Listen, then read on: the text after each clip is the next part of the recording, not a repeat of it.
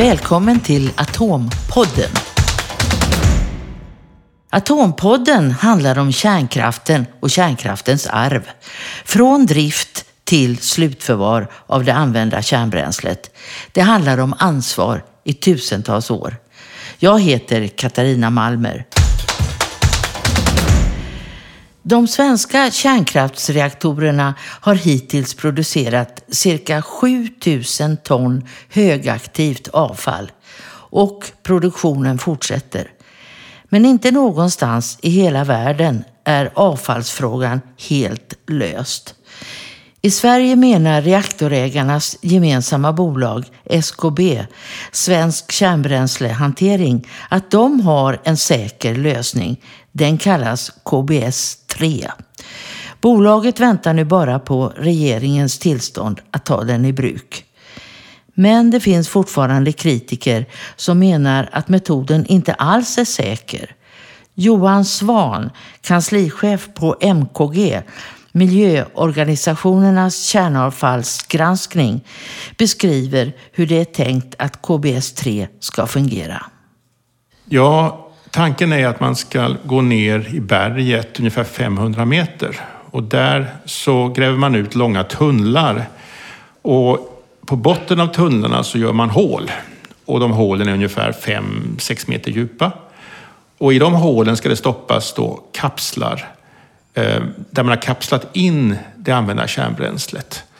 Och det är kopparkapslar, ungefär 5 centimeter tjocka kapslar och så finns det en gjutjärnsinsats där man stoppar bränsleelementen.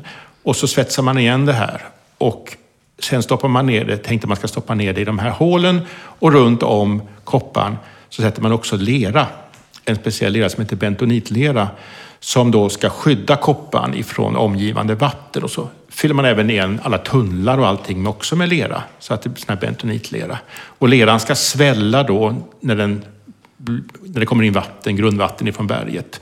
Och då ska det på något sätt täta till alltihopa och så ska koppar, kopparytan vara skyddad mot, eh, mot vattnet runt omkring som skulle kunna fräta på kopparn.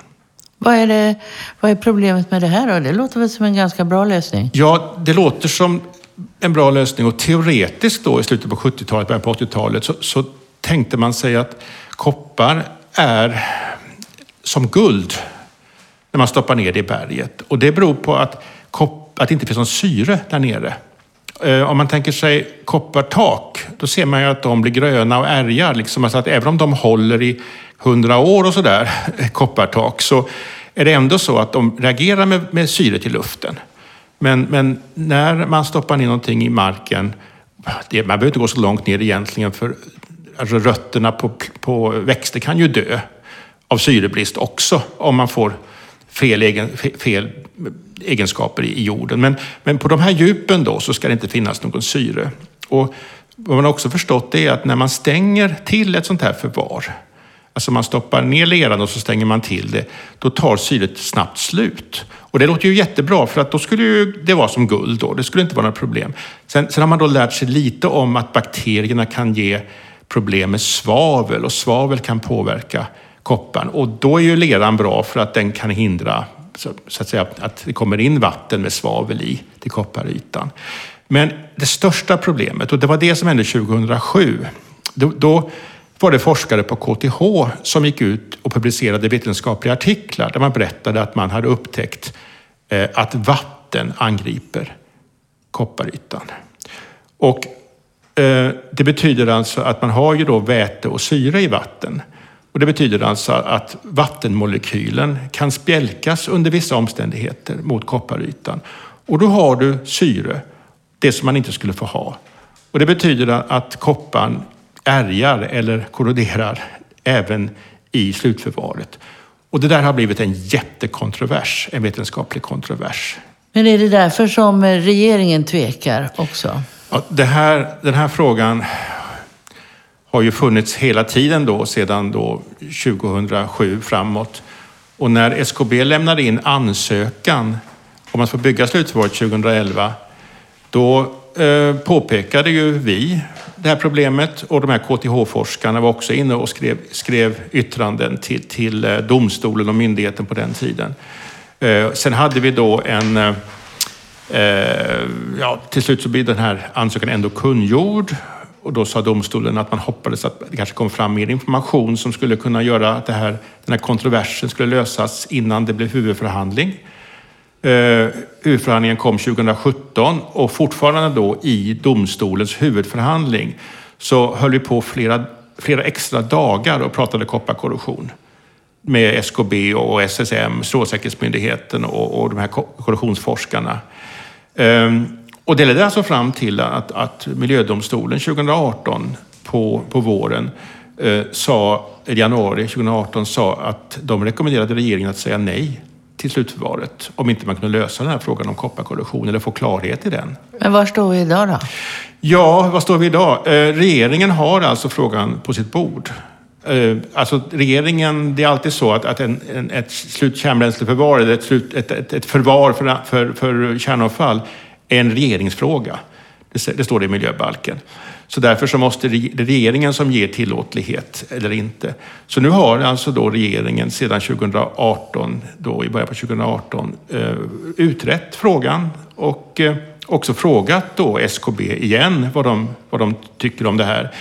Och SKB har då kompletterat eh, april 2019 med, med lite mera information egentligen exakt samma information kan man säga. Det var inte något nytt egentligen i det. Men man menar också, då menar alltså bolaget att domstolen inte förstod och det var därför de sa det här så att säga. Men, men vår uppfattning är att domstolen mycket väl förstod att det kunde finnas problem.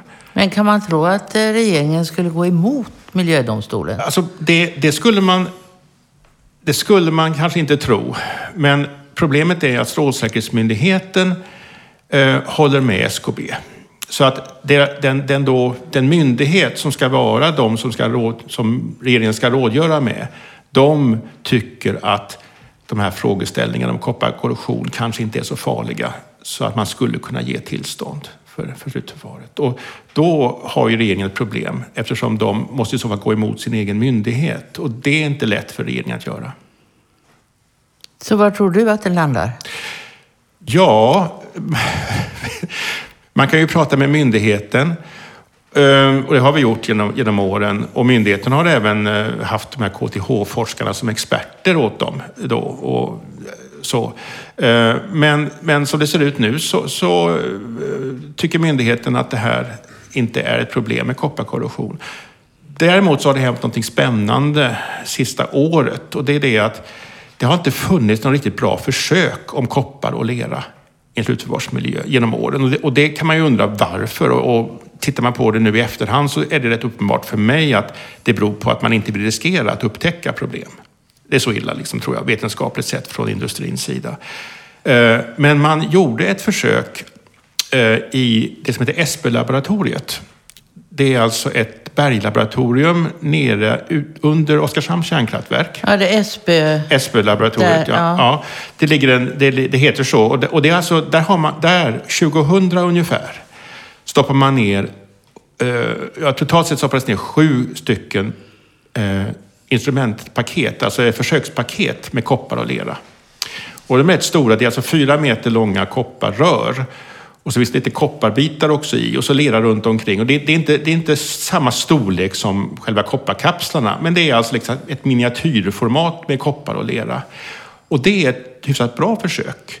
Därför att, att där har man då det här med syre, syrefriheten och sådär eh, kommer rätt snabbt. Och, och, när man tog upp ett paket, man tog upp först tre paket eh, rätt kort tid för att man vill ha ett års försök. Sen tog man upp ett paket 2006 eh, och det var då ett femårsförsök och där såg man eh, oväntat mycket kopparkorrosion, man säga. Och det redovisar man på ett väldigt dåligt sätt. Och sen dess har vi försökt att få upp nästa paket. Alltså sedan 2006-2009. Men de här resultaten måste väl ändå komma till Strålsäkerhetsmyndigheten ja, ja. och i sin tur till regeringen? Ja, eller hur? Men då, då, säger SKB att, efter, att hela tiden under de här fem åren så har det varit syre i systemet. Alltså det har inte varit syrgasfritt, vilket för oss är, är osannolikt. Men det spännande är då att det finns ju fler. Det fanns tre stycken paket till. Och vi har tjatat på SKB att de ska ta upp dem och de har bara sagt nej, vi, vi vill inte, vi, vi, det är inte viktigt och sådär. Men nu har de tagit upp paket Så- All, allihopa? Nej, två av de här tre. Det finns ett paket kvar.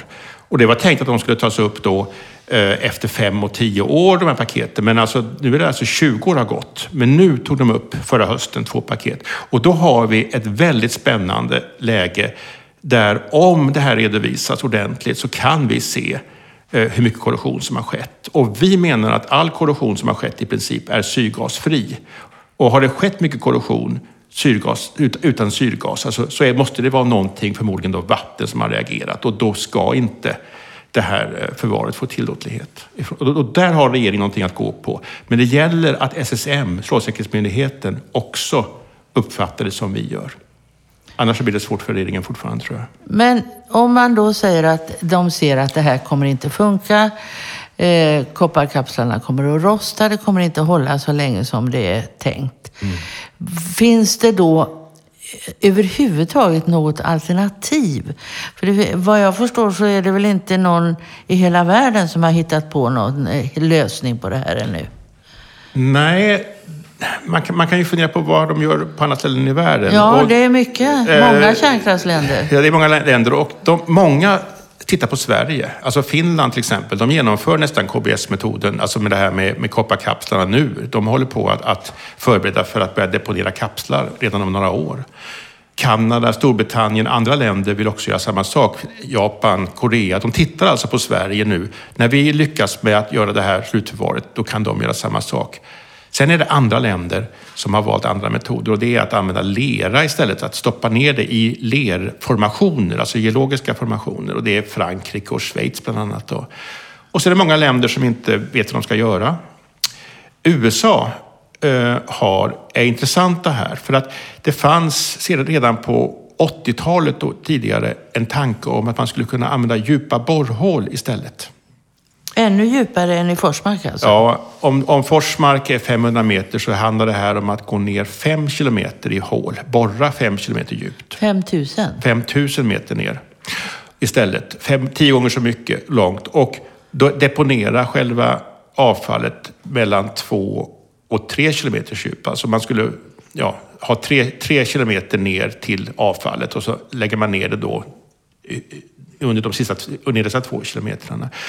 Och där har då det har alltid funnits med i bakgrunden, men inget land har valt det här som första alternativ. Och därmed så är det svårt eftersom det kräver att något land verkligen eh, ändrar sig och vill pröva någonting nytt. Och det har man inte gjort i Sverige eller i Frankrike och så vidare. Man, vill, man har ju sina system. Men USA har, hade en tanke om att lägga avfallet i Nevada, i öknen utanför Las Vegas. I Yucca Mountain som det hette, det här projektet. Vad då ska det ligga inne i berget? Ja, eller? berget där, men öknen skulle ju vara torr. Liksom då, va? Och därför skulle det kunna fungera, tänkte då amerikanerna. Eh, den, det gillar inte då de som bor i Nevada. Och framförallt inte de som bor i Las Vegas, eller de som håller på med casinos i Las Vegas. De vill, de vill inte ha någon kärnavfall i, i Nevada. Och därför så blev det stoppat, det här projektet. Ja, du menar att vi skulle också kunna ha i typ Forsmark fem kilometer ner Ja. istället för 500? Man kanske inte lägger... Kan det vara lösningen då? Ja, det, jag skulle tro att det skulle kunna vara det, lösningen. Men det är värt att undersöka i alla fall. Det måste naturligtvis vara väldigt säkert. Alltså allting måste ju vara säkert. Men, men det är värt att undersöka det alternativet i alla fall, tycker jag. Hur lång tid tycker du att de har på sig? Du menar hur lång tid innan vi måste göra någonting? Ja. Alltså det där, det där är svårt. Flera länder i världen håller just nu på att säga att vi gör ingenting. Alltså till exempel, till exempel eh, Holland eller Nederländerna. De har bara satt sitt avfall då i ett, ett hus och väntar hundra år eh, på att göra någonting kan man säga. Så att det, det går att vänta. Men frågan är om det är ansvarsfullt liksom att vänta. Alltså, man bör kanske ändå ta hand om avfallet, Eh, det som vi har skapat. Men samtidigt måste det göras på ett sätt som är, som är bra. Vi kan inte bara skynda oss på och göra någonting dåligt. Utan vi måste så att säga halvskynda oss på och göra någonting bra. Kan man säga. Det, det, det, tycker jag är en, en, en möjlig fram, alltså väg framåt i så fall. Och då tror jag att borrhålen skulle kunna bli någonting, inte kanske bara i Sverige utan i många andra länder också. Och det, det skulle ta många år att få fram dem naturligtvis. Då.